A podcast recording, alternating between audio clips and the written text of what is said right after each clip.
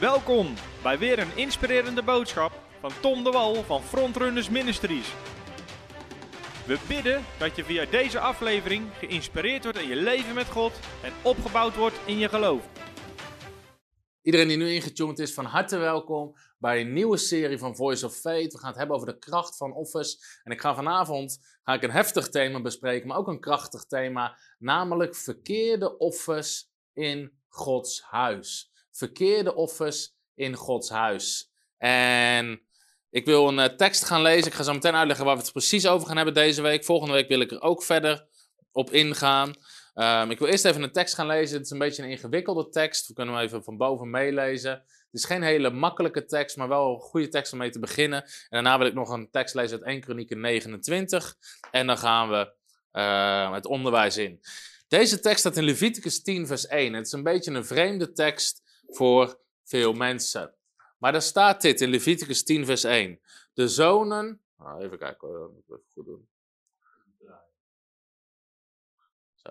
De zonen van Aaron, uh, Nadab en Abihu namen beide hun wierookschaal, deden vuur daarin en legden het reukwerk, dus een offer daarop, en brachten vreemd vuur voor het aangezicht van de Heer, wat hij hun niet geboden had. Ze gaven een offer wat niet in de voorschriften stond van God, wat ze zelf verzonnen hadden. Dan staat toen ging er een vuur uit van het aangezicht van de Heer en het verteerde hen, zodat zij stierven voor het aangezicht van de Heer. En Mozes zei tegen Aaron, dit is wat de Heer gesproken heeft. In hen die tot mij naderen, zal ik geheiligd worden en voor de ogen van heel het volk zal ik geëerd worden. Nou, dat is de tekst uit Leviticus 10, vers 1. En het is een bijzonder verhaal waarin de vuur uit de hemel komt en de priesters, de zonen van Aaron, verteert in de tempel. En die vallen daar dood neer, die vallen daar verbrand neer. Nou, wat was er aan de hand in de context? Ik ga er nu niet te diep op in, maar God had hele specifieke instructies gegeven over hoe de priesters zich moesten gedragen, hoe ze moesten offeren, wat de regels waren voor het offeren. En in een van de eerste gevallen doen ze het tegenovergestelde wat God had gevraagd. Ze brachten vreemd vuur voor het aangezicht van God. Ze brachten offers die God niet had gevraagd. Ze gingen het op een eigen manier doen in het heiligdom van God. En het vuur van God kwam uit de hemel en verteerde ze. Nou, dit is best wel een heftig verhaal. Maar het toont aan, het toont even het punt aan. God vindt het belangrijk wat we offeren. God vindt het belangrijk hoe offers gebracht worden. En vanavond wil ik het dus hebben over verkeerde offers in het huis van God. En het is iets waar je weinig onderwijs over hoort, maar wel iets wat ontzettend belangrijk is. En terwijl God heeft in zijn woord zoveel te zeggen over offers. En waar ik vanavond op in wil gaan, en dit zal voor veel mensen wel vernieuwing zijn, ik wil het gaan hebben over negen manieren, of eigenlijk tien manieren van offers ophalen. Tien manieren waarop offers, collectors worden opgehaald in de kerk, waarvan er negen fout zijn en één goed is. Tien manieren waarop er offers opgehaald worden in kerken, waarvan er negen fout zijn, of andere plekken, maar waarvan er één goed is. Daar wil ik het over gaan hebben. En als we het hebben over offeren, dan hebben we het over dat we iets geven aan God, dat we iets brengen aan God. Dat is al een belangrijk iets. In het Nieuwe Testament en in het Oude Testament, ze brachten hun offer aan de tempel. Ze gaven hun offer aan de priester, aan de leviet. Maar het was God in de hemel die het offer ontving. In het Nieuwe Testament is ook zo dat Paulus roept de gelovigen op om te offeren, om te geven aan God. Ondanks dat het hier op aarde ontvangen werd door een kerk of door een bediening, was het de gift die gegeven werd aan God. Zo moesten mensen erover denken. En dat is al heel belangrijk. Dus we hebben het over wat we geven aan God. Dat kan geld zijn. In het Oude Testament waren het ook spullen, was het graan, was het een deel van de oogst. Maar ook in het Nieuwe Testament waren het spullen. Die vrouw die gaf kostbare olie. Er was iemand die gaf een gedekte bovenzaal aan Jezus. Iemand gaf een ezel aan Jezus. Uh, mensen gaven geld, mensen gaven brood, eten, vissen, al die dingen. Dus je kan verschillende dingen kan je offeren, kan je brengen aan God. En vanavond gaan we dus hebben over offers die we ophalen, of offers die opgehaald worden in kerken, waarvan er negen fout zijn, negen manieren die fout zijn, en één is er goed. Nou, in 1 Kronieken 29, dat verhaal wil ik niet uitgebreid lezen, want het is nogal een lang verhaal. Um, maar in 1 Kronieken 29, daar lezen we dat David een offer ophaalt voor het bouwen van de tempel. En uiteindelijk staat er dat alle hoofden van het volk gaven goud, zilver, ze gaven het vrijwillig. En dan bidt David dit gebed, want er komt zo gigantisch veel geld binnen dat de hele tempel betaald wordt. En dan zegt David dit in 1 Kronieken 29, vers 18. Dan zegt hij dit. Heer God van onze vader Abraham, Isaac en Israël, bewaar voor eeuwig deze gezindheid in het hart van uw volk en richt hun hart tot u.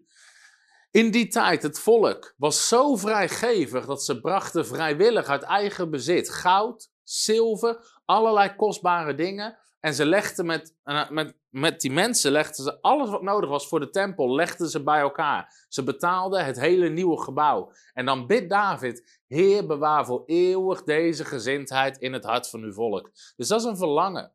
En ik vind het zo'n mooi gebed. Heer, Bewaar de gezindheid om te offeren, om te geven, om vrijwillig te geven, om uw huis te bouwen in het hart van uw volk.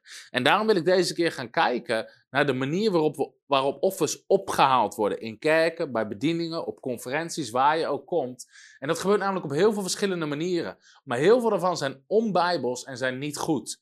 En het zijn verkeerde offers in het huis van God. En ik ga je dus uitleggen vanavond waarom dat zo is. Ik ga aan het eind vragen behandelen. Ik zie nu al vragen binnenkomen, maar ik ga aan het eind vragen behandelen. Nou, wat belangrijk is, is dat je door de hele Bijbel heen zie je instructies van de manier waarop mensen aan God moesten geven. Er waren hele duidelijke instructies, er waren hele duidelijke richtlijnen. Het werd heel duidelijk beschreven. Niet alleen in het Oude Testament, ook in het Oude Testament. Vanaf het begin bij Kain en Abel, Abraham, Noach, Jacob, uh, Isaac, Mozes, onder de wet de profeten, maar ook in het Nieuwe Testament. Jezus gaf onderwijs over offeren, over geven. Paulus, Petrus, Jacobus. Het hele Nieuwe Testament staat vol met instructies en onderwijs over hoe offers gegeven worden, gehoor, te horen gegeven worden aan God. En heel vaak uh, doen, uh, wordt het in samenkomsten wordt het op een hele andere manier opgehaald of gebracht dan wat de wil van God is. Volgende week wil ik het hebben over hoe we offers geven aan God, maar nu over hoe offers ontvangen worden. En je gaat heel veel van deze dingen erkennen.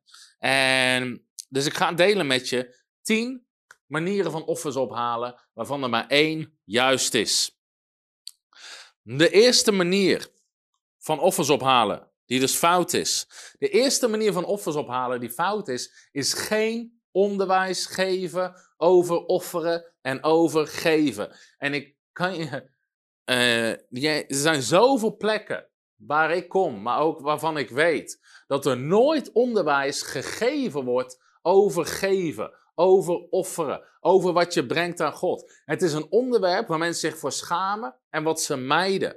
En waar ze dus niks over durven te zeggen. Soms omdat ze bang zijn voor kritiek of wat de reden ook mag zijn. Maar het is niet goed om er geen onderwijs over te geven, omdat de Bijbel er zo ontzettend veel onderwijs over geeft. Je zit ergens in een dienst, in een samenkomst, op een conferentie, wat dan ook, en in één keer uit het niks komt, wordt er in één keer een collectemand doorgegeven, komt er in één keer een geefslide op de beamer. Um, in één keer is daar de gelegenheid om te geven. Er wordt niks over gezegd. Uh, er wordt geen onderwijs over gegeven. Ze leggen mensen niet uit waarom offeren belangrijk is, wat het achter zit, wat de Bijbel erover zegt. Er komt alleen maar in één keer een collectemand langs. Waardoor soms nieuwe mensen denken, die niet bekend zijn met het geloof, die hebben eigenlijk totaal geen idee wat er gebeurt of waarom er gegeven wordt. En weet je, dit is niet goed.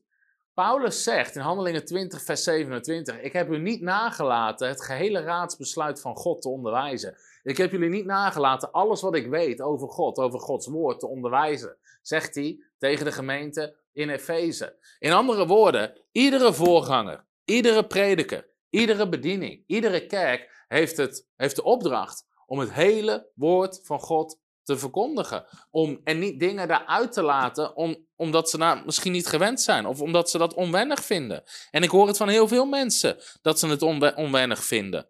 En als je kijkt hoeveel de Bijbel te zeggen heeft over geld, over offeren, over geven. Ik heb op mijn computer een document staan met alle Bijbelteksten over geld, offers, geven, rentmeesterschap, al die dingen meer. En als je ze gewoon onder elkaar zet, alleen de Bijbelteksten, kom je op meer dan 70 A4'tjes in Word. Met alleen maar Bijbelteksten over geld, offeren en geven. Meer dan 70 A4'tjes met Bijbelteksten. Het is geen klein thema in de Bijbel. Het is geen randonderwerp in de Bijbel. Maar in heel veel gemeentes wordt er geen onderwijs gegeven over offeren.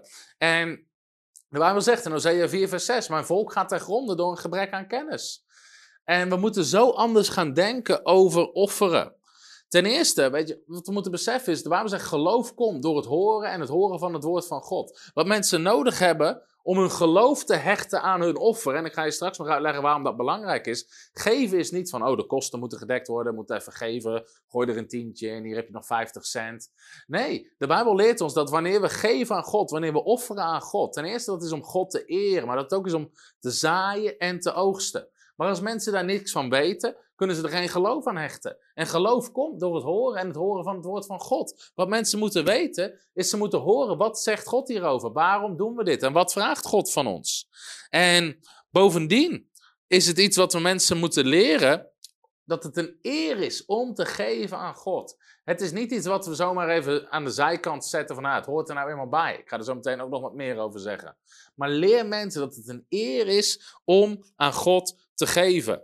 En soms hoor ik mensen zeggen: Ik vind dit zo'n fijne kerk, hier gaat het nooit over geld. Als je dat fijn vindt, dat het nooit gaat over geld, is er iets mis met je. En dat meen ik echt, dan is er iets mis met je. Waarom? Wat ik net al zei, een heel groot gedeelte van de Bijbel gaat over geld. En ik ken christenen en ik ben zelf ook op plekken geweest. Maar zodra je begint te spreken over geld, je de atmosfeer in de zaal voelt veranderen. Mensen worden boos, mensen lopen weg, Mensen gaan weg. Mensen zeggen, weet je, het hoort in de kerk niet te gaan over geld. Of mensen zeggen, ik vind dat, mensen zeggen dat, ik vind het zo fijn dat het hier nooit gaat over geld. Als je een probleem hebt met onderwijs over geld, kan je net zo goed je hele Bijbel in de open haard gooien. Waarom? De hele Bijbel, ik zei net al hoeveel teksten erin staan. Meer dan duizend teksten over geld, geven, offeren, rentmeesterschap, hoe we God ermee kunnen dienen, wat God er goed van vindt, wat God er niet goed van vindt. In de Bijbel over geld. Als je problemen hebt met kerken, met predikers of bedieningen die praten over geld, weet je, hoofdstuk na hoofdstuk, boek na boek, als je gewoon door het Nieuwe Testament heen gaat. Bovendien God zelf, maar Genesis. In Genesis, Kain en Abel, meteen een verhaal van offers. Abraham, uh, Mozes, Noach, Isaac, Jacob. Allemaal verhalen over offers, tiende geven, dat soort dingen. Kan je Genesis uit je Bijbel scheuren. Je kan Exodus uit je Bijbel scheuren. Waar heel veel regels werden gegeven voor het offeren. Waar ze gaven. Leviticus hebben we net gelezen, kan je eruit scheuren. Numeri kan je eruit scheuren. Deuteronomium kan je eruit scheuren. Jozua kan je eruit scheuren. Richter kan je eruit scheuren. Rut kan je eruit scheuren. Met Boas die zijn akker gaf. Uh, Samuel kan je eruit scheuren. Koningen kan je eruit scheuren. Konieken kan je eruit scheuren. En we zouden zo door kunnen gaan. Psalmen, prediker, uh, Job, Jezaja, Jeremia, de profeten. Je kan het een stuk voor stuk uitscheuren. Als je, het, weet je, als je niet wil dat het gaat over geld in je Bijbel. Matthäus, Marcus, Lucas, Johannes. Scheur het eruit. Handelingen, Romeinen, haal het weg. Korinthe, weg. Galaten, weg. Mensen moeten hun denken erin vernieuwen. Het is niet goed als mensen het fijn vinden dat het nooit gaat over geld. De mensen die het fijn vinden dat het nooit gaat over geld, hebben zelf een probleem met geld. Dat is wat er aan de hand is. Mensen die het fijn vinden dat het nooit gaat over geld, dat ze niet aanspreekbaar zijn op een financiële situatie, dat zijn mensen die problemen hebben met geld. Mensen die vrijwillig offeren, die geven aan God, die van houden om Gods huis te bouwen en Gods koninkrijk te bouwen, die hebben nooit problemen met een boodschap over geld. Want ze doen het al. Ze passen het al toe in hun leven. Dus het wringt niet. Het knaagt, het knaagt niet aan hun geweten. Ze worden er niet, ze worden er niet door overtuigd. Weet je, die mensen zijn vrolijk, die worden blij, want die worden bevestigd in hun geloof, in het geloof waar ze in wandelen. Het zijn de mensen die niet geven, die moeite hebben met een boodschap over geld en die graag willen dat er niet over gaat. En daarom zijn er ook veel kerken die er geen onderwijs meer over geven, omdat er kritiek op is gekomen. Maar ik durf je te beloven dat de kritiek is gekomen van mensen die zelf niet geven aan God. Amen. Zoals ik al zei, het is je plicht als voorganger, oudste, leider, prediker, om hier onderwijs over te geven. Dus de eerste manier die niet goed is, is geen onderwijs erover geven. De tweede manier, die ik in steeds meer kerken zie langskomen, die niet goed is, als het gaat om hoe haal je offers op, is niet geven. Is niet geven. En in steeds meer kerken, op steeds meer plekken hoor ik dat. Zeggen mensen heel trots. In deze kerk halen we geen collectors meer op. In deze kerk halen we geen offers meer op. Als mensen willen geven, kunnen ze dat prima zelf thuis bepalen en kunnen ze naar de website gaan om een gift over te maken. Of in deze, in deze dienst, in onze diensten nemen we geen tijd meer voor een collecte. Als mensen iets willen geven, staat er achter daar, ver in de hoek van de gang, staat een donatiebox waar mensen naartoe kunnen lopen om eventueel iets in te geven. Het is niet bijbels ten eerste en ten tweede is het gewoon verkeerd. Je steelt de zegen van de mensen wanneer je ze de kans weerhoudt om te geven. Je steelt de zegen van de mensen. Want de Bijbel leert ons dat wanneer mensen geven, het is zaaien en oogsten. Wanneer je mensen de kans opneemt om te zaaien, opneem je ze ook de kans om te oogsten. En dat is nog niet het minste. Dat is nog niet het ergste wat je doet. Het ergste is dat de Bijbel leert ons dat geven is een eer. Is heilig. Het is niet voor niks dat de Bijbel zegt, offers zijn heilig voor de Heer. In Leviticus 27 vers 30 en heel veel andere teksten. Offers zijn heilig voor de Heer. Wat we geven aan God is een offer, is heilig, is iets waar we God mee respecteren, waar we God mee eren. Dat is niet iets om weg te douwen in een hoekje omdat mensen het niet comfortabel vinden. Het moet een moment zijn in de dienst waar mensen beginnen te juichen, te dansen, omdat ze een kans krijgen om te geven en God te eren. Mijn vrouw heeft een bijbelschool gedaan in het buitenland. En iedere zondag dat daar offers werden opgehaald. En ze kondigden aan, we gaan offeren aan God. Begonnen mensen te applaudisseren. Ze begonnen te juichen. Ze begonnen te dansen. Ze begonnen hun gift te geven. En ze brachten het naar voren. En dansend gaven ze, blij gaven ze die gift aan God. Waarom? Mensen zagen het, halleluja, hier is mijn kans om God te eren met iets wat ik deze week heb verdiend of deze week heb gekregen. En vol lof en aanbidding en eer gaven ze dat. Dat is de manier waarop offeren in Gods huis hoort plaats te vinden. En niet geven. Nogmaals, als je mensen niet de kans geeft om te geven, steel je de zegen van hun. Je weerhoudt mensen om gezegend te worden, want je weerhoudt ze om te zegenen. En ik geloof daar niet in. Niet geven. Een offer, en dit is iets wat ik altijd zeg: een offer is geen noodzakelijk kwaad. Een offer is niet zo, nou, het, uh, weet je, het is dat we geld nodig hebben, dus het moet maar, maar eigenlijk doen we het liever niet. Een offer is geen noodzakelijk kwaad. Een offer is heilig voor de Heer. Het is iets wat God heeft ingesteld. Het is een instructie vanuit Gods woord, dat we komen met ons bezit en we geven het aan God. We geven het aan God. Vereer de Heer met je bezit. Met de eerstelingen van je opbrengst. Spreuken 3 vers 9. Vereer de Heer met je bezit. Het is moment waarin we komen om God te eren. Het is een moment in een dienst, in de samenkomst. En ook onder het Oude Testament en het Nieuwe Testament, mensen gingen naar de samenkomst, gingen naar de gemeente toe en brachten hun offers in het huis van de Heer. Dus mensen niet laten geven is niet goed. En ik geloof hetzelfde over het verkopen van tickets voor conferenties. Sorry voor iedere kerk en bediening die dat doet. Ik geloof niet dat het bijbels is om entree te vragen voor mensen om het woord van God te horen, om bediend te worden, om genezen te worden, om bevrijd te worden. Ik geloof niet in het verkopen van tickets. Tenzij het misschien iets, weet ik veel, voor een maaltijd of wat dan ook, die mensen erbij kunnen kopen. Maar ik geloof niet dat het goed is. Ik zie nergens in de Bijbel dat het goed is om entree te vragen uh, om een samenkomst binnen te komen. En iedereen die het daar niet mee eens is, Laat maar zien in de Bijbel waar de entree gevraagd wordt in een samenkomst. Het Bijbelse model is niet tickets verkopen en drie voor de prijs van twee. En early bird die komt voor 50 euro de samenkomst binnen in plaats van 75 euro. En weet je, als mensen 100 euro geven, kunnen ze op de voorste rij zitten. Je kan een VIP-ticket kopen. Het is een schande in het huis van God. Het is een schande in het huis van God wanneer we entree gaan vragen voor mensen om het woord van God te horen, om bediend te worden, om gebed te ontvangen. En ik geloof daar absoluut niet in. Wat is Gods model? Is offeren. Mensen komen, mensen komen vrijwillig en krijgen daar de kans om iets te geven waarvan God hen mee gezegend heeft. Krijgen de kans om God te eren. Krijgen de kans om te zegenen. Dat is het Bijbelse model. En niet het verkopen van tickets voor samenkomsten of conferenties. Zodra je tickets moet gaan verkopen om je samenkomst te financieren, is er iets mis met het model van bediening wat je hanteert. En ik weet in het begin, toen wij onze conferenties gingen doen, mensen waren stom verbaasd. Weet je, mensen vroegen waar zijn de tickets? Wat kosten de tickets? En dan zei tegen mensen, er zijn geen tickets. Soms, nu zijn de registratietickets, zodat we weten hoeveel mensen er komen, maar ze zijn gratis. Mensen vragen, wat kosten de tickets? Er zijn geen tickets, het is gratis. Huh? Huh? Eh, echt? Hoe kan dat nou? Weet je, moet toch, moet toch eh, maar dat kost het dan geen geld? Kom gewoon. Ontvang het woord van God. En we geven je de kans om terug te zegenen. Maar we hebben zoveel mails gehad. Mensen die gewoon totaal in de war waren. Weten niet, weet je, waar moet ik tickets kopen?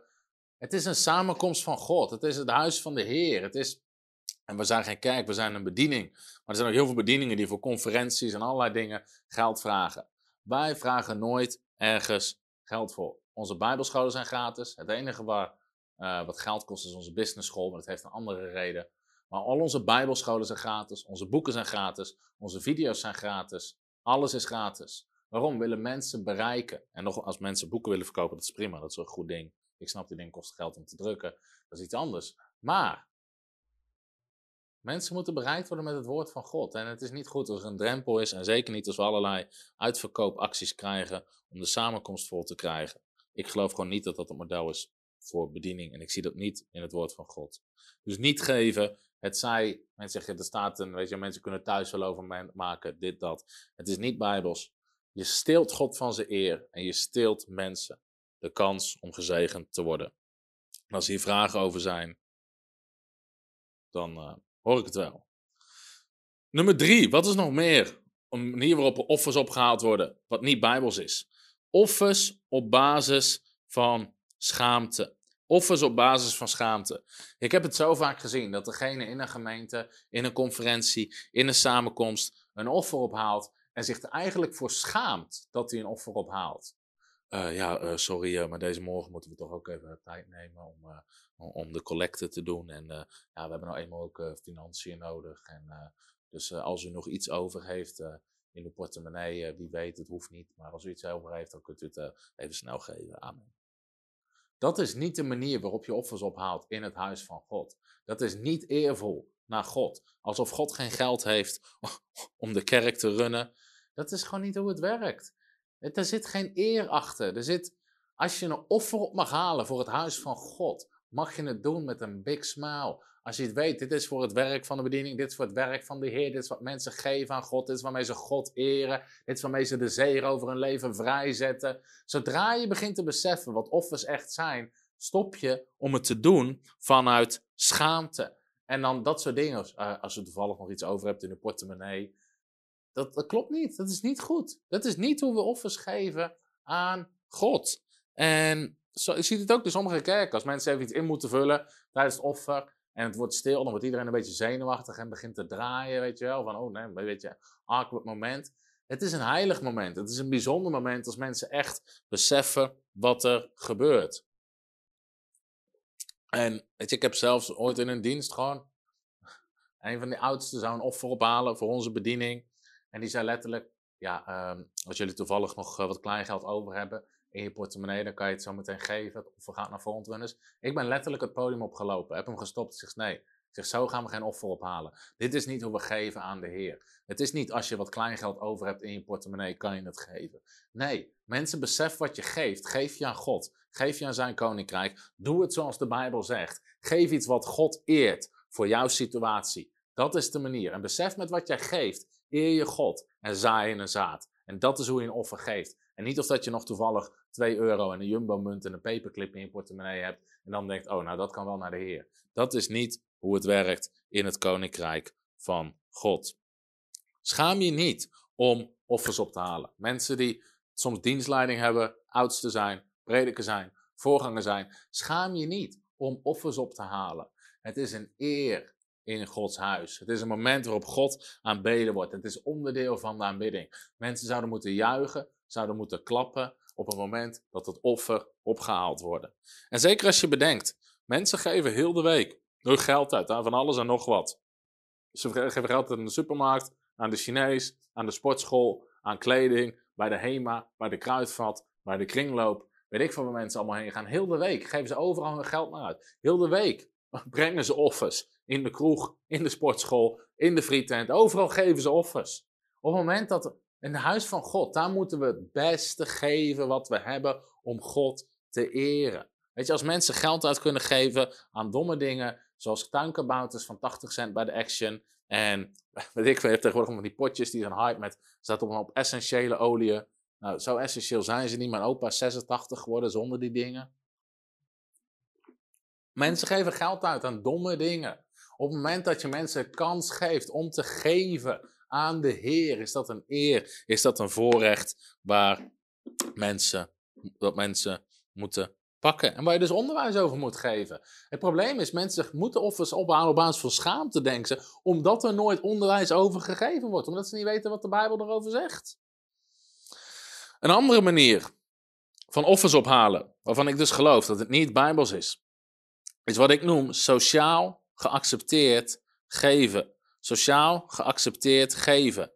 Het is goed, laat me dat vooropstellen, om te geven aan armoedehulp, um, voedselbank, dat soort dingen. Het zijn goede dingen om aan te geven. Maar wat ik soms zie gebeuren, is in de kerk dat ze wanneer ze geven, wanneer een offer, een collecte gaat naar, een, uh, naar armoedehulp, dat ze dan zeggen, dit, offer gaat geheel naar de armoedehulp. Dit geld gaat niet naar de prediker. Dit geld gaat niet naar de kerk. Dit is alleen maar bestemd voor de voedselbank. En in één keer gaan de offers gaan keihard omhoog. En mensen denken, oh nou, nou, dan is het mooi, dan is het mooi. En in één keer wordt er heel veel gegeven. En er wordt een soort excuus gemaakt. Nou, dit is niet, dit is niet voor de kerk, dit is niet voor de, voor de bediening. Dit is echt, echt alleen maar daarvoor. En zeggen mensen, als u dan geeft, hou in gedachten dat we arme gezinnen voeden. Wat mensen moeten leren is het evangelie van Jezus Christus is waardig om aan te geven. Toevallig hoorde ik van de week nog een voorganger zelf zeggen, had het zelf op Instagram gezet.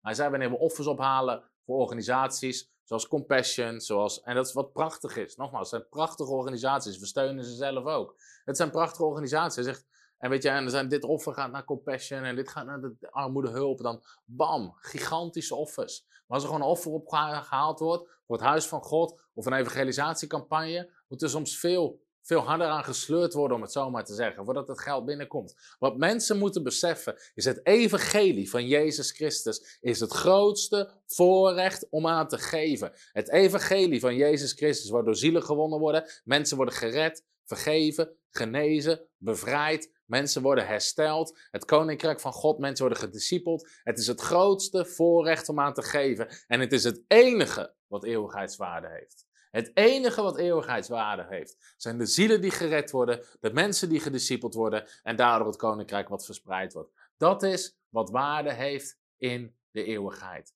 Dat is wat waarde heeft in de eeuwigheid. Zoek eerst het koninkrijk van God. Zet het koninkrijk van God op de eerste plek. En dat zou ook zo moeten zijn in ons geven. En zodra er offers opgehaald worden, met het doel gewoon om het evangelie te prediken, met, met het koninkrijk te bouwen, zouden mensen moeten staan te juichen. Want het is het grootste voorrecht waar je je geld aan kan geven. Sommige mensen kunnen, kunnen kilo's kip eten van de Chinees, bami schijven, nasi. Ze vinden het geen probleem om met familie, vrienden, kopen voor 120 euro Chinees eten. Ze kopen lekkere wijn, ze kopen lekker dit, ze kopen allerlei hapjes. Gewoon voor een barbecue met vrienden zijn ze soms een paar honderd euro kwijt. Het is allemaal geen probleem. We gaan op vakantie voor een paar duizend euro. We kopen een nieuwe auto voor 15.000 euro. Nieuwe meubels voor 10.000 euro. Aanbouw achter het huis, 30.000 euro. Maar zodra het aankomt in het huis van God, wat zullen we doen? 10 euro?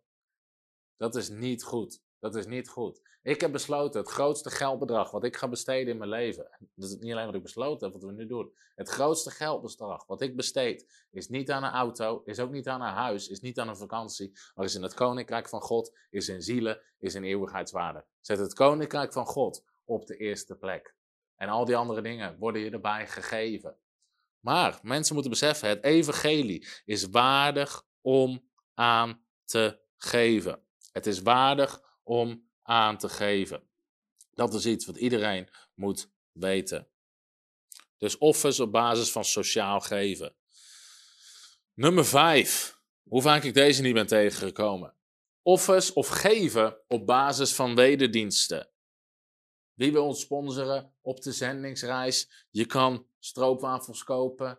Drie pakken voor 15 euro. Twee voor 12 euro. Mensen verkopen stroopwafels, pepernoten, oliebollen. Ze rennen marathons, ze wassen auto's, ze verkopen loten. dat is niet een bijbelse manier van geven. En dan zeg ik het nog netjes. Jezus ging niet rond met een bolde kar, met stroopwafels en de discipelen erlangs. Eerst door Galilea heen, aan iedere deur. Hallo, ik ben Jezus Christus, Zoon van God. God heeft me gestuurd om, uh, ja, om aan de armen het evangelie te verkondigen, te verbinden, de verbrokenen van hart. Maar u begrijpt, zo'n bediening kost geld. Wilt u stroopwafels kopen? We hebben nu een aanbieding. We hebben drie pakken stroopwafels voor twee drachmen. Maar u kan er ook één kopen voor één drachmen. Nee, dat is niet hoe Jezus rondging. Peter, Jezus verkocht geen stroopwafels, geen pepernoten. Jezus stond niet zijn twaalf discipelen uit. Hij zei, Petrus, Jacobus, Johannes, als jullie nou eerst een marathon doen rond het meer van Galilea en vragen aan honderd mensen om jullie te sponsoren voor, uh, weet wat, ze, wat voor andere muntenheden ze toen hadden, voor, uh, voor vijf schellingen. Hè, vijf schellingen per ronde. En dan proberen we een perspersoon drie rondes te lopen. En dan wisselen we af met de twaalf, een soort estafette. En dan hoop ik uiteindelijk dat we weet ik veel, dat we een paar duizend binnenkrijgen. Dat is niet hoe het werkt. En dat is iets wat je heel veel ziet. Een donatiementaliteit in het koninkrijk van God. Voor wat, hoort wat. En dat is niet hoe het koninkrijk van God betaald hoeft te worden. En voor de mensen die nu intunen, onze gebedslijnen zijn open. Dus het nummer komt in beeld als je gebed nodig hebt je van deze mentaliteit te bekeren. Dat is een grapje. Niet bellen als je nog stroopwafels wil verkopen. We kopen geen stroopwafels. Maar als je gebed nodig hebt, even serieus. Onze gebedslijnen zijn open, onze bidders zijn beschikbaar. Maar ik zie dit zoveel. Jezus zond zijn discipelen uit. En misschien is dit goed om te zien. Ook voor iedereen die een bediening wil. Maar ik hoor zo vaak dit soort dingen. En ik weet, ik zat een keer op een ministers conference. En uh, ik zal eerst deze tekst voorlezen. Lucas 10. Jezus zendt zijn discipelen uit en dan zegt hij dit. In vers 4 staat dit. Neem geen beurs mee, geen reiszak en geen sandalen mee en groet niemand onderweg. En welk huis u ook maar binnen gaat, zegt eerst vrede zij met u. Toen Jezus zijn discipelen trainde in bediening. Toen hij ze uitstond voor bediening. Zei neem geen portemonnee mee, geen reiszak, neem geen spullen mee, geen sandalen mee. Zie je, ze mochten geen stroopwafels meenemen. Ze mochten geen pepernoten meenemen. Ze mochten geen sandalen meenemen. Ze konden geen marathon rennen. Jezus leerde ze gewoon te leven in geloof. Gewoon te vertrouwen op God voor hun inkomsten. En later vraagt Jezus, vraagt ze, en dat is aan mijn hoofd in uh, Lucas 22, ja, hier Lucas 22, vers 35. En hij zei tegen hen: Heeft u het? Heeft het u aan iets ontbroken toen ik u uitzond? Zonder beurs, reiszak en sandalen. En zij zeiden aan niets. Aan niets. Jezus zond ze uit. Ze namen niks mee, ze konden niks verkopen en ze mochten ook niet bedelen. Jezus zei: Groet niemand onderweg. Ga heen, predik het evangelie, genees zieken, drijf demonen uit, groet niemand. In andere woorden, ga niet lopen bedelen. Jezus roept mensen in bediening, niet als bedelaar. Je bent een roeping in bediening, is iets anders dan een roeping als bedelaar. Mensen in bediening zijn geen bedelaars. Je bent niet geroepen om je geld bij elkaar te bedelen. En dat is ook wat niemand zou moeten doen. En net zoals dingen als, oh ja, ik zat, ik heb die ministers conference. En op een gegeven moment vroegen ze, weet ik, iemand vroeg van een andere bediening wat we deden. En dus ik vertelde een beetje wat we deden. Hij vroeg hoe ons team eruit zag. Hoe ons team eruit zag. En uh, hij hoorde hoeveel mensen we in dienst hadden. En die zei, hebben al die mensen een thuisfrontcomité? Ik vroeg, een wat? Hij zei, een thuisfrontcomité. Ik zeg, wat is een thuisfrontcomité? Nou hebben ze allemaal geregeld dat hun vrienden, kennissen, familie en buren hun sponsoren om bij jou te werken. Ik zeg, nee, natuurlijk niet. Mijn broertje die werkt bij bol.com, die heeft ook geen thuisfrontcomité. Die heeft mij ook niet gevraagd of ik hem wil helpen om bij bol.com te werken. Hij zegt, maar hoe doen jullie dat dan? Ik zeg, wij betalen gewoon met de bediening hun salarissen. Ja, maar, ja, maar dat kan toch niet zonder thuisfrontcomité? Ik wist niet eens wat een thuisfrontcomité was. Als wij mensen aannemen, zijn wij verantwoordelijk om een salaris te betalen. En als we doen wat God wil, is Hij verantwoordelijk om de salarissen te betalen.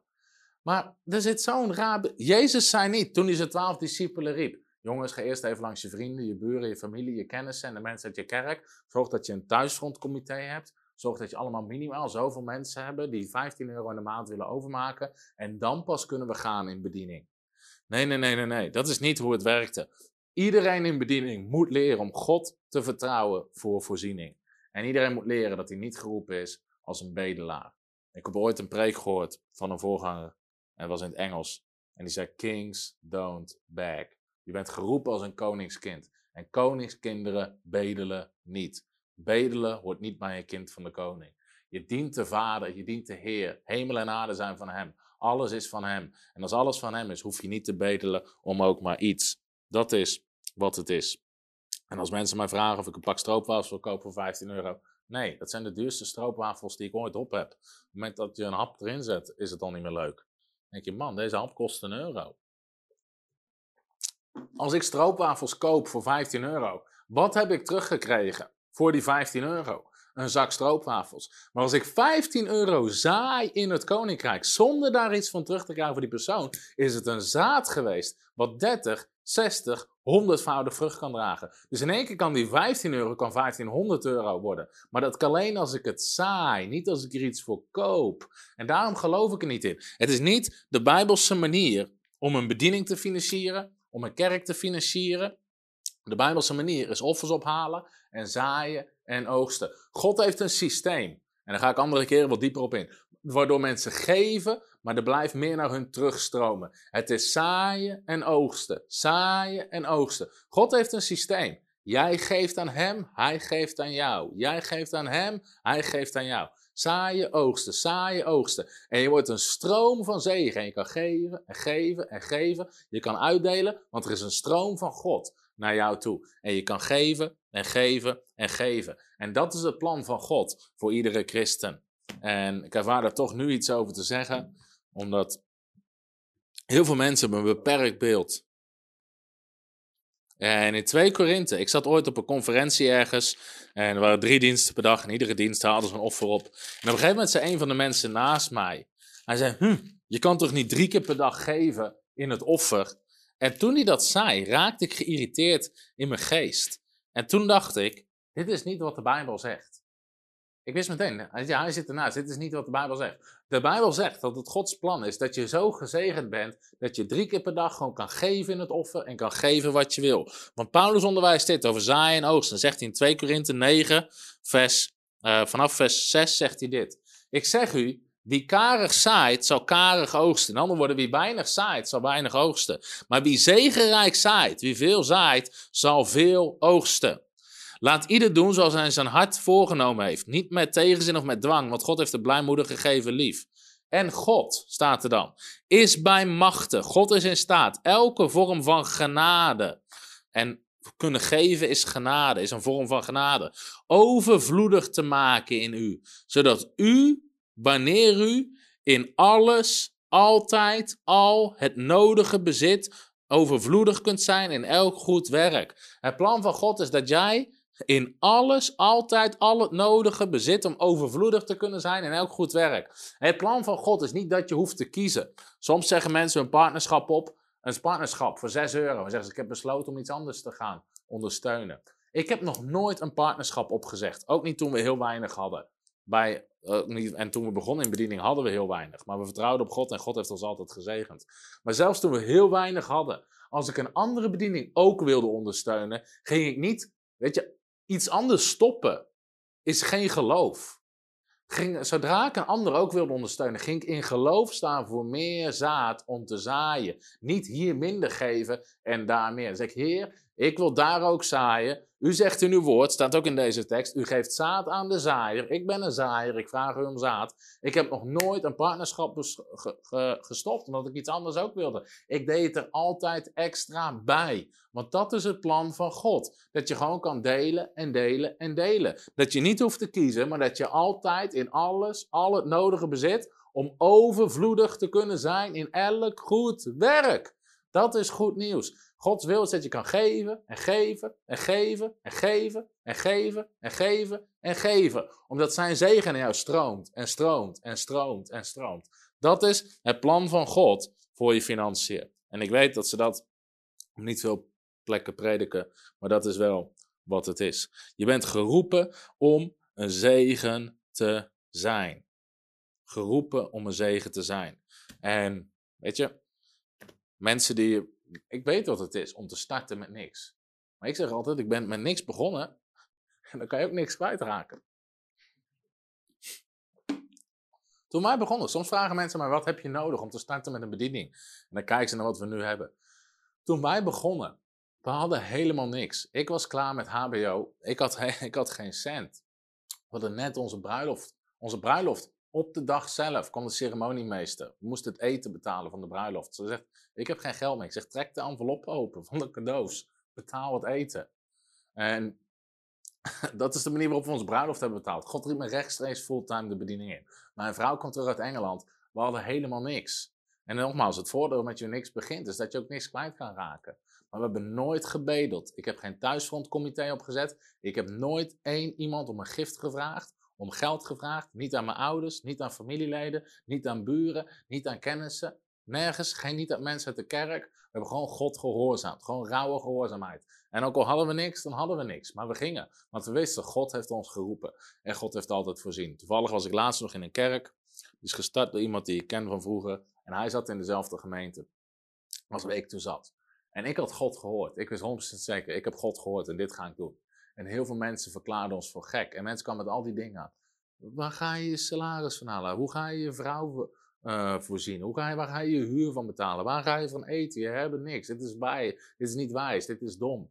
En zei, ik wist, ik heb God gehoord en ik deed het gewoon. En die man van die kerk die gestart was, hij zei, toen ik jou zag, en jij deed gewoon, terwijl iedereen zei dat het een dom plan was. Maar jij zei, ik heb God gehoord. Hij zei, daar heb ik geloof en gehoorzaamheid geleerd.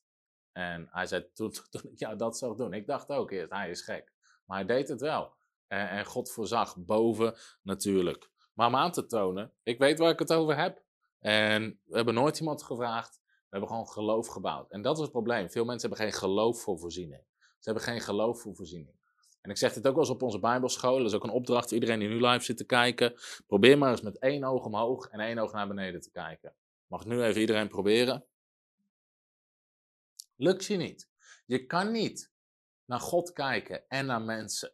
Of je hecht je geloof aan God, of je verwacht het van mensen. Maar dit is een sleutel voor iedereen die in bediening wil wandelen, iedereen die in het leiderschap zit van een kerk. Als je naar God kijkt en alleen naar God kijkt, zal God je brengen op een plek waar mensen je niet kunnen brengen, natuurlijk. Maar als je het verwacht van mensen en kijkt naar mensen, blijf je je hele leven afhankelijk van mensen. Want je bouwt en vertrouwt op mensen. Dan kom ik meteen bij nummer 6. Offers op basis van medelijden. Ik begin warm te worden. Offers op basis van medelijden. Dit zie je ook zo vaak. Wanneer de offers opgehaald worden, soms in startende kerken, maar ook op conferenties. Ehm,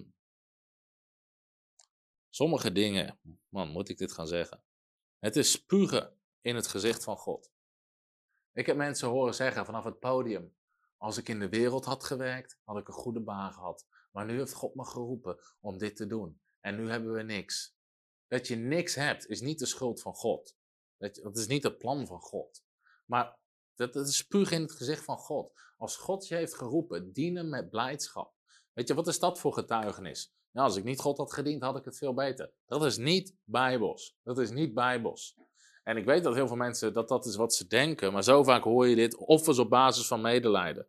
We kunnen geen auto kopen. We kunnen geen bank kopen. Als ik in de wereld had gewerkt, had ik een baan met een goed vast salaris. De kinderen hebben nieuwe kleding nodig. Al die dingen meer. Zelfs als het zo is, in een opstartfase, dat je weinig hebt, hou geen offers op op basis van medelijden. Hou offers op op basis van de principes van het woord van God. Het is een eer om te geven en het is zaaien en oogsten. En als God je geroepen heeft, voorziet God. Breng je noden bij Hem en God zorgt voor je. En als je kijkt naar God, zal God voorzien. En ik kan de meest bizarre getuigenissen verzinnen. Of, of verzinnen, vertellen. Over hoe God heeft voorzien in ons leven. Op wonderbaarlijke manieren. Ook toen we weinig hadden. Toen we weinig hadden, toen we geen geld hadden, toen we geen salaris hadden. We baden voor alles. En dat doen we nog steeds. Maar we baden voor dingen en het kwam binnen. Weet je, al hadden we geen geld om te tanken, baden we om geld en er kwam geld om te tanken. Hadden we geen eten, balen voor eten en er kwam eten. Weet je, de eerste paar jaar van een bediening hadden we, hadden we geen geld voor vakantie. Maar we baden voor een vakantie en we kregen vakanties. Ik heb vakantiehuisjes gekregen. Van iemand zei van, hé, hey, mijn vader heeft een vakantiehuisje. Zou jij het leuk vinden om daar te zitten? Gewoon uit het niks. En mochten we voor 50 euro voor gas, water, licht, mochten we gewoon een week week in een vakantiehuis. Dat soort dingen. We kregen kleding. Op een gegeven moment hadden we een bed nodig. We hadden een nieuw bed nodig. Hadden, we waren verhuisd, we konden geen bed betalen. En we baden gewoon voor een bed. En op een conferentie waar ik preek, gooit iemand een waardebon in het offer voor een bed. En we konden een handgemaakt bed uitzoeken ter waarde van 7500 euro. Een bed van 7000 euro. Konden we uitkiezen. We hadden gebeden voor een bed. En God gaf ons de Rolls Royce van de bedden. Weet je, dat soort dingen. Gewoon boven natuurlijke zegen. Gewoon verwachten van God. Als je geroepen bent in bediening, mensen zijn niet, mensen zijn, het is niet de bedoeling dat mensen medelijden hebben met je. De Bijbel zegt, de zegen van God. Als God je zegent, zal je de kop zijn en niet de staart. Je zal uitsluitend omhoog gaan en niet omlaag. En ik geloof niet dat het goed is. En ik hoor te veel schrijnende verhalen van mensen in bediening en voorgangers die arm zijn, die geen cent te makken hebben, die amper een eten kunnen betalen. En nogmaals, dat, hoort, dat kan zo zijn voor een opstartfase waarin God je geloof leert. Lezen we ook in Deuteronomie hoofdstuk 8. Maar dan nog horen mensen geen medelijden met je te hebben. Wij gaven nooit hintjes van wat we nodig hadden. We dienden God, we baden tot God en God vertrouwden. Gewoon God vertrouwen voor voorziening. En ten tweede geloof ik dat het plan van God is dat je toegroeit naar een plek waar je gewoon gezegend bent. Gezegend bent en dat dat een getuigenis is. Ik wil niet dat mijn kinderen denken waarom hadden we later nooit een goede auto? Waarom hadden we altijd oude auto's en oude kleren? Oh ja, dat komt omdat papa een prediker was en God diende. Nee, dat is niet hoe het gaat zijn. Mijn kinderen zullen zien dat je gezegend bent wanneer je God dient. En de zegen zien. Weet je, dat is het getuigenis wat we mee moeten dragen. En medelijden geven. Dat is soms wel ook waar mensen van houden. Maken een erg verhaal, een ernstig verhaal, hoe erg het wel niet is. En dan gaan we een offer ophalen. En dat is ook soms wat mensen doen als ze geven. Ik heb zeker in het begin wel eens mensen gehad. Die zeiden, ja, ik heb het op mijn hart om je 50 euro te geven. Dan hielden ze zo die 50 euro vast. Maar heb je het wel echt nodig? Heb je het wel echt nodig? Wat wanneer mensen dat deden, wat ik altijd zei, ze, nee, ik heb het niet nodig. Hier heb je het terug. Koop er maar ijsjes van. Al had ik geen euro op mijn rekening en moest ik eigenlijk eten kopen voor mijn vrouw, dan nog nam ik het niet aan. Want ik weiger het te bedelen uit de handen van iemand. Ik ga niet bedelen. Als je denkt dat, je, dat ik het uit je handen ga bedelen, stop het op een plek waar het licht nooit schijnt. Maar dat gaat niet gebeuren. Ik ga het niet doen. En dat hoort niemand te doen. En dat is ook niet de manier waarop je hoort te geven. Als God het op je hart heeft gelegd, geef het. Maar ga niet een soort fijn gevoel creëren van, oh ja, hij had het echt, echt nodig. Hij had het echt, al heeft hij het helemaal niet nodig. Al kan hij het opstapelen thuis, op zo'n briefje van, op zo'n stapel van briefjes van 50. Als God het zegt tegen je, dan doe je het. Als God het niet zegt, doe je het niet. Of je doet het alsnog om God te eren, want God hoeft niet overal over te spreken. Maar ga niet bedelen. Of mensen zeggen, ik heb 50 euro, ik wil het geven, maar ik wil wel weten wat je ermee gaat doen. Als je het nu geeft, laat ik je meteen zien wat ik ermee ga doen. Dan stop ik het op een plek waar het licht nooit schijnt. Dat is, niet, dat is manipulatie. Ik wil wel weten wat je ermee gaat doen. Sommige mensen die willen controleren, manipuleren, willen je in een soort rol duwen waar, ze hopen dat je afhankelijk bent van hun. En dit gebeurt ook heel veel in Nederland op het gebied van kritiek. Op het gebied van kritiek. En weet je, zeker het begin, als je bediening bent. En nu is het anders, omdat je mensen in dienst, je wordt een grotere organisatie. Maar weet je, in het begin, als je nieuwe schoenen kocht. En dan, weet je, dan kwam je in een kerk en zeiden mensen, zo, zo, nieuwe schoenen. Gaat goed met de giften zeker, gaat goed met de giften. Dat soort snerende opmerkingen maakten mensen. Ik weet ooit, mijn, uh, mijn vrouw die had van haar opa en oma een dagje Snowworld of zo, via via had ze een dagje Snowworld gekregen. Dus uh, ik hou helemaal niet van sneeuw, niet van skiën. Maar goed, ze wilde naar Snow World, dus uh, we gingen daarheen en ze ging naar snowboarden. Ze was helemaal blij, dus uh, ik van maakte een foto, zette die op Instagram of Facebook. En, en er waren mensen die gewoon serieus boos erop reageerden. Hoe kan je nou van giften op wintersport gaan? Ten eerste was het geen gift. Ten eerste hadden we niet voor betaald. Ten tweede waren we niet op wintersport. En ten derde, al waren we op wintersport. Als dat de mentaliteit is voor jou als donateur, heb ik liever dat je het nu meteen opzegt, stopt. Iedereen in Nederland mag altijd op wintersport. Iedereen die werkt gaat op wintersport. Maar als mensen voorganger zijn of prediker, hoe kan je nou van giften? Op, weet je, de tegenovergestelde mentaliteit zou je deel moeten zijn. Je zou mensen moeten vragen: hey, kan je wel op wintersport? Dat is wat je zou moeten vragen aan voorgangers en predikers. En als ze nee zeggen, zou je het voor ze moeten betalen. Dat is de houding die je moet hebben. In plaats van afgunst en gierigheid en mammon. Wat mensen dienen en anderen ook in die kleine rol willen duwen. Weet je, soms kom je aan op plekken en dan zeggen mensen: en ik heb een mooie auto, die heb ik gekregen. Dan zeggen mensen tegen me van. Uh, zo, zo, hoe kan, weet je, hoe kan je nou zo'n auto betalen in de bediening? En dan zeg ik, jouw auto is duurder. Staat die Fiat van 300 euro van hun daarnaast. Hoezo? Ik zeg, die van mij heb ik gekregen. Het onderhoud heb ik gekregen. Sponsort een garagebedrijf. En een tankpas heb ik van een andere ondernemer gegeven. Die hele auto kost me niets. Wat kost jouw auto? Uh, uh, uh. Weet je, de mensen afgunst in Nederland is zo ontzettend groot. Mensen zeggen, die auto zou je moeten verkopen en aan de armen moeten geven. Jij kan jouw auto verkopen en het geld aan de armen geven. Bovendien, als ik hem, als ik het, als ik als ik mijn auto, of zo'n auto moet je eigenlijk weggeven. Als ik die auto weggeef, dan komt er een veel grotere en veel mooiere terug. Want dat is het principe van zaaien en oogsten. En hebben ze daar ook weer kritiek op. Mensen begrijpen niet hoe het koninkrijk van God werkt. Soms zeggen mensen, als prediker zou je toch alles weg moeten geven. Ik heb acht keer in mijn leven, samen met mijn vrouw, alles weggegeven wat we hadden. Tot de laatste euro. En iedere keer kwam er veel meer terug dan we weggegeven hadden. Dat is het principe van zaaien en oogsten.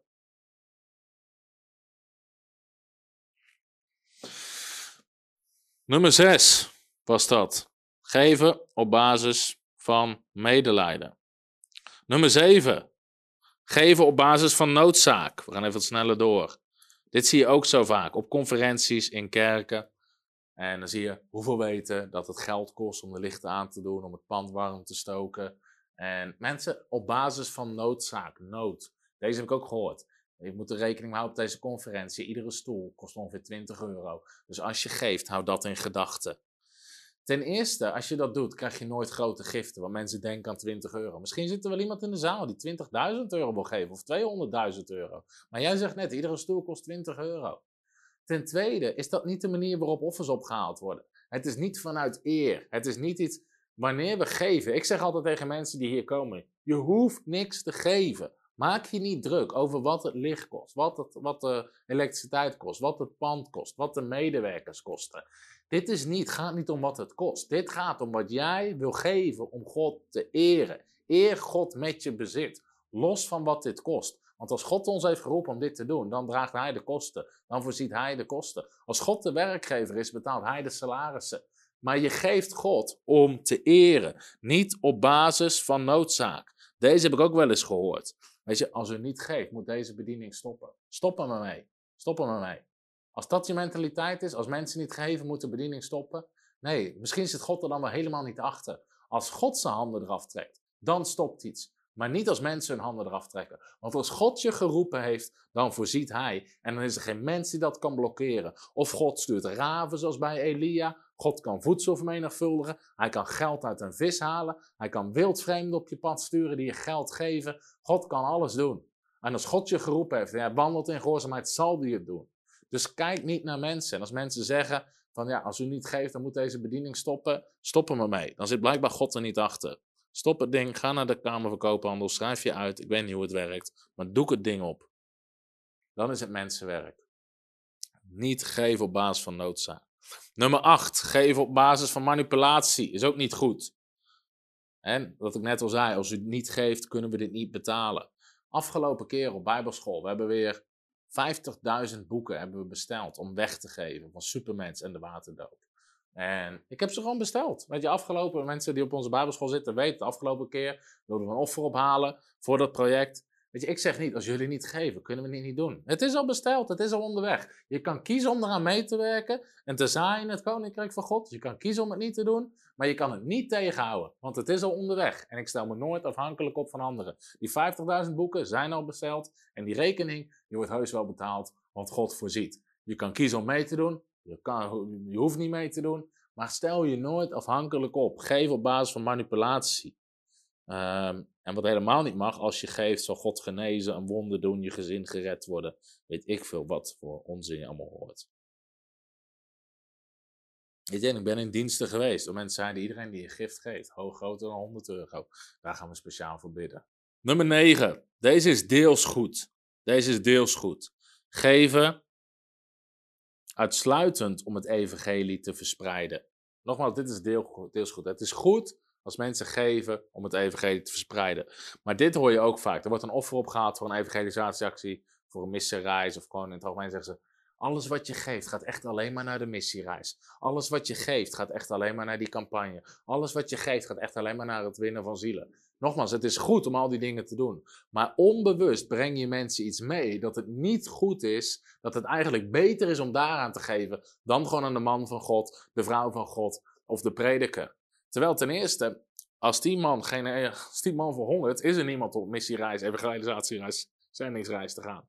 Dat je de Bijbel zegt, hoe kunnen ze horen als er niemand is die predikt? En ten tweede is het gewoon een Bijbelse opdracht. En ik kan er nu niet te diep op ingaan, gaan we nog wel een andere keer op in. Uh, maar in 1 Samuel 9, daar willen ze gebruik maken van de profeet. En dat is um, Saul. En hij was toen nog geen koning, maar hij was samen met een knecht. Dan zijn ze de ezelinnen van de vader kwijt. En dan zegt die knecht, zegt, waarom gaan we niet naar de profeet? Dan gaan we hem vragen of hij weet waar de ezelinnen zijn. En het eerste wat uh, Saul dan zegt, als wij gaan, wat zullen we voor die man meebrengen? En dan zegt die knecht, we hebben hier een, een stuk zilver. En dan zegt Saul, oké, nu gaan we. Ze hadden een andere mentaliteit. Als we gebruik gaan maken van zijn bediening, wat kunnen we meebrengen om hem te zegenen?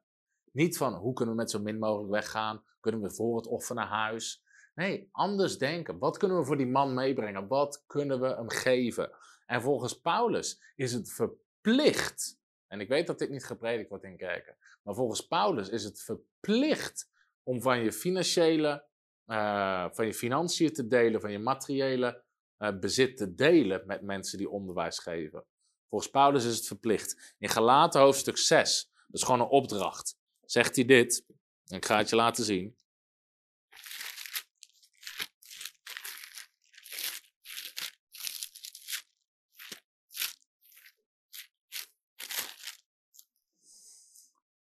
Zegt hij dit. Laat hij die onderwezen wordt in het woord, laat degene die onderwijs ontvangt, in alle goede dingen delen. Een andere vertaling zegt van alle goede dingen delen. Of van zijn materiële bezit delen met hen die onderwijs geeft. Met hem die onderwijs geeft. Je mag hem maar even op laten staan. Want Paulus zegt ook in 1 Korinthe 9. Daar zegt hij. Uh, hier vers 13 en 14. Het hele stuk gaat erover. Daar zegt hij: Weet u niet dat zij die in de tempel uh, dienst verrichten van het heilige eten. Paulus vergelijkt met het Oude Testament. De mensen die in de tempel, die God dienen, mochten ook eten van de offers die gebracht worden. En dat zij die steeds bij het altaar verkeren, hun deel ontvangen van de offers van het altaar. Dus een deel van de offers wat gegeven wordt, is bedoeld voor de man, de vrouw van God, voor de mensen die werken in de bediening, voor de priesters. Zo heeft de Heer ook met het oog op hen die het evangelie verkondigen, opgedragen dat zij van het evangelie leven. Dus voor Paulus was dit gewoon een regel. En Galaten 6 maakt hier een opdracht van. Dus dat is goed voor mensen om te beseffen. En misschien raak ik daar nog wat dieper op in. Andere keer. Nummer 10. Wat is wel de Bijbelse manier? Dat is zaaien en oogsten. Zaaien en oogsten. En mensen leren dat God. Uh, mensen leren dat ze God eren. Staat de camera goed? Ik dacht dat ik nog de Bijbel stond. Volgens mij niet, hij staat goed. 10. De Bijbelse manier is zaaien en oogsten. Ik denk dat ik daar de komende keer dieper op inga, ook vanwege de tijd. Maar de Bijbelse manier, Bijbels offeren, is zaaien en oogsten. En laten zien dat wanneer mensen geven, ze God eren. Vereer de Heer met je bezit. Offers zijn heilig voor de Heer. En Paulus zei, wanneer je geeft, houd dit in gedachten. Wie karig zaait, zal karig oogsten. Wie zegenrijk zaait, zal zegenrijk oogsten. Het plan van God is dat je, zo, dat je zaad toeneemt. Dat je zoveel kan geven, dat je in ieder werk kan geven. Dat is het plan van God. God eren, zaaien en oogsten. En in Hebreeën 11 vers 6, dat God is een beloner. En ik zeg dat heel vaak tegen mensen. God is geen berover. God is een beloner. God vraagt niet iets van je om je slechter af te maken, zodat je minder hebt. God vraagt iets van je om je beter te maken, zodat je daarna meer hebt, waardoor je nog meer kan geven. Gezegend om een zegen te zijn. Amen. Als er nog vragen zijn, dan zal ik ze beantwoorden. Dus je kan nu je vraag stellen. Misschien heb je hem al gesteld. Ik kan hem even opnieuw stellen.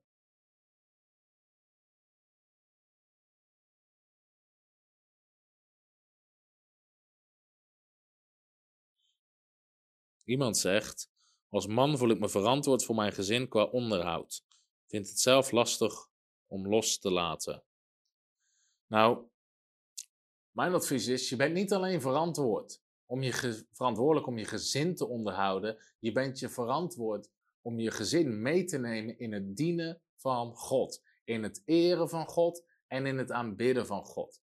En het mooiste is om je gezin daarin mee te nemen, onder andere financieel. Als er iets is wat ik mijn vrouw, mijn kinderen, mijn gezin wil leren, is het dat we God dienen, ook met onze financiën. En dat leren we onze kinderen al. Mijn zoon Matthew, die kan er niet eens tellen, maar we leren hem al om tiende te geven. We zetten een tiende, als hij verjaardagsgeld krijgt, wat dan ook, zetten we apart voor hem. We, leggen hem dat uit.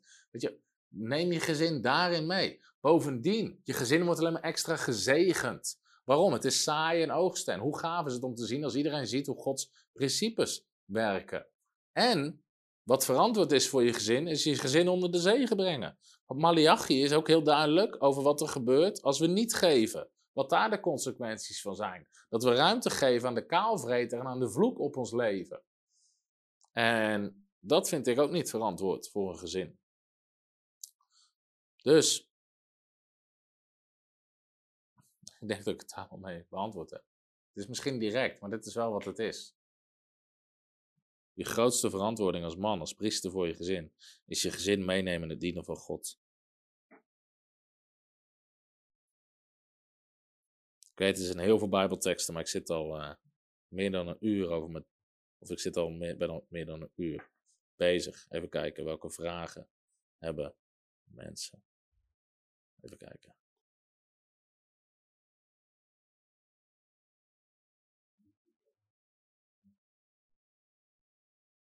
Kan tijd een offer zijn? Vraagt André. Ja, je tijd kan zeker een offer zijn, maar het komt niet in plaats van je geld. Dus dat hoor ik mensen ook wel zeggen. Ik geef geen geld, ik offer mijn tijd. Ik heb goed nieuws voor je, je hoeft niet te kiezen. En uh, als er nog meer vragen zijn, via YouTube, welke vraag is dat? Van wie? Is het geven van tiende verplicht? Of kan je je tiende ook in verschillende bedieningen geven? Dat, zijn geen, dat is geen tegenstelling. Nou, je, tiende, je geven van tiende is geen verplicht. In die zin, er gaat geen engel uit de hemel komen die het geld je, van je bankrekening af gaat schrijven. Maar het is een opdracht van God. Het is een opdracht in het hele woord van God. Ik heb een video op YouTube wat de Bijbel echt zegt over tiende. Maar je kan je tiende wel aan verschillende bedieningen geven. Dus dat kan zeker. Iemand zegt, je bent duidelijk, moeilijk om een goede vraag te stellen. Mooi, dat hoor ik graag.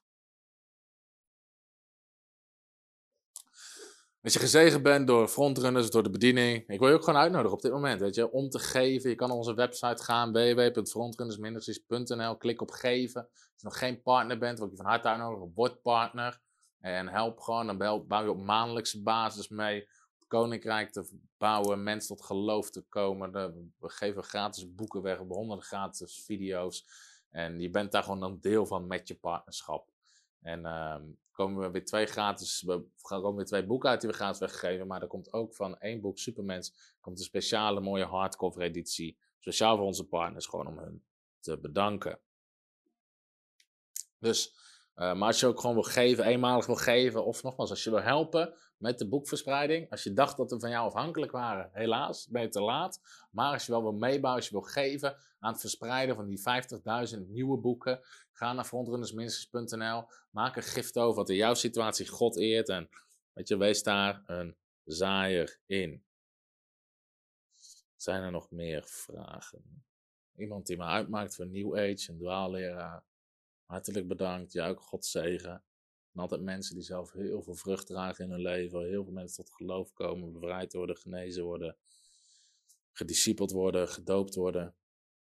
Oh, deze is ook grappig. Ik ga je toch gewoon wat van zeggen. We zijn toch live. Mensen vinden het gewoon leuk. Hier. Ik ben een dwaalleraar op basis van de mijn kleurgesorteerde boekenkast. Koek koek. Daar staan heel veel boeken in. Dat is het doel van een boekenkast, lieverd. Sommigen hebben niks met het evangelie te maken. Nee, dat is een ding. Intelligente mensen kunnen ook dingen lezen die niet kloppen. Dus ik bestel inderdaad allerlei boeken. Ik hou van lezen. Ik heb thuis duizend boeken die allemaal met evangelie te maken hebben, van bijbelcommentaren tot van allerlei schrijvers. Maar ik bestel ook boeken van mensen die niks met het evangelie te maken hebben. Gewoon seculiere boeken, zakelijke boeken. Zelfs boeken waar ik het niet eens ben met de inhoud. En die lees ik. Omdat ik dan weet hoe die mensen denken. En omdat ze heel veel principes soms ook nog eens uit het woord van God gestolen hebben. Of omdat mensen daar vragen over stellen. Of omdat het gewoon interessant is om iets van te weten. Maar als jij denkt dat je op basis van een boek wat je in mijn boekenkast hebt gezien. kunt beoordelen of ik een dwaalleraar ben, dan moet je je bekeren. Moet je bekeren en vergeving vragen aan God. Dat je zo oordeelt over mensen. Weet je, soms, lieve mensen, komen er zulke domme dingen tegen. Ik zag laatst iemand die had een heel artikel geschreven over mij. Dat we, ik ken die hele Wendy, ik weet niet eens wie het is. Dat ik, een, dat ik een dief ben, dat ik geld steel, allemaal dat soort dingen. Iemand die dat schrijft, die is te dom om te poepen. Je hebt echt waar, je hebt geen idee. Sowieso, sowieso niet. Weet, sommige mensen zeggen, ja, hij is de bediening ingegaan voor het geld. Ik ken niemand in Nederland die de bediening is ingegaan voor het geld.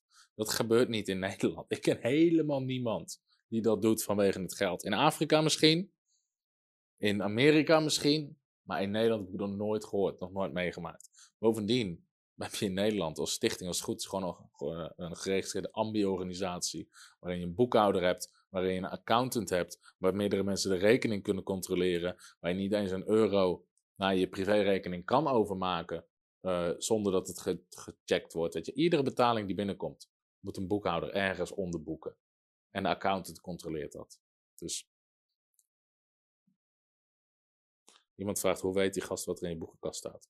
Dat we soms wel eens, ik heb thuis een boekenkast, maar soms nemen we wel eens boven op mijn kantoortje video's op. En dan staat die boekenkast op de achtergrond.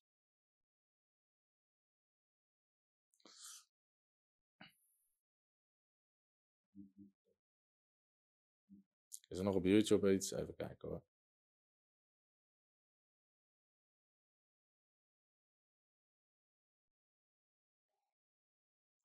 Chris Call vraagt: Is het zo dat mensen die in een bediening zitten zoals u eigenlijk niet zouden moeten werken? Dan ik gewoon 9 tot 5 banen in de gemeente.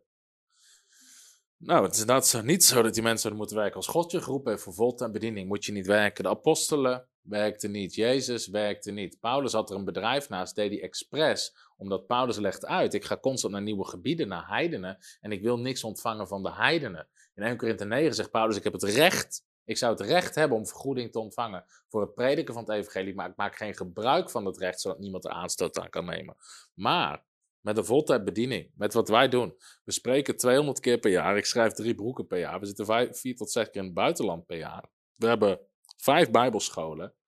Het is niet eens zo dat ik dit niet alleen in mijn zou kunnen doen. We hebben tien mensen die hier ongeveer voltijd werken. En nog eens een keer honderd vrijwilligers die meewerken om het werk te draaien.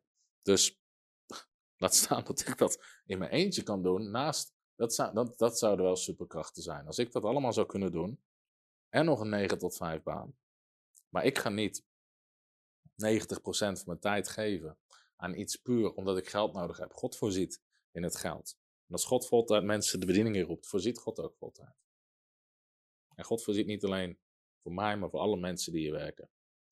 Amen. Zie verder geen vragen meer. Nogmaals, als je gezegend bent, ga naar frontrunnersministries.nl, maak een zaad over, maak een gift over, word partner als je niet bent. Ook al onze boeken staan gratis, dus uh, alle boeken die ik heb geschreven over genezing, gebed, tongentaal, leven doorgeven. Allemaal gratis. Wees gezegend, God zegen en tot volgende week. Hallo, Tom de Wol hier en bedankt dat je weer geluisterd hebt naar onze podcast. Ik bid dat het je geloof gebouwd heeft en je bemoedigd bent. Als je niet alleen een luisteraar van onze boodschap wil zijn, maar ook een verspreider daarvan, wil ik je uitnodigen om partner te worden van Frontrunners. Door jouw maandelijkse donatie help je ons om dit evangelie van Jezus Christus en het woord van God over heel de aarde te brengen. Om partner te worden, ga naar www.frontrunnersministries.nl slash partners en word partner. Hartelijk bedankt en tot snel. Heb je ook zo genoten van deze inspirerende boodschap van Tom de Wal? Abonneer je dan op deze podcast. Volg ons op Facebook en op Instagram en kijk op onze website frontrunnersministries.nl.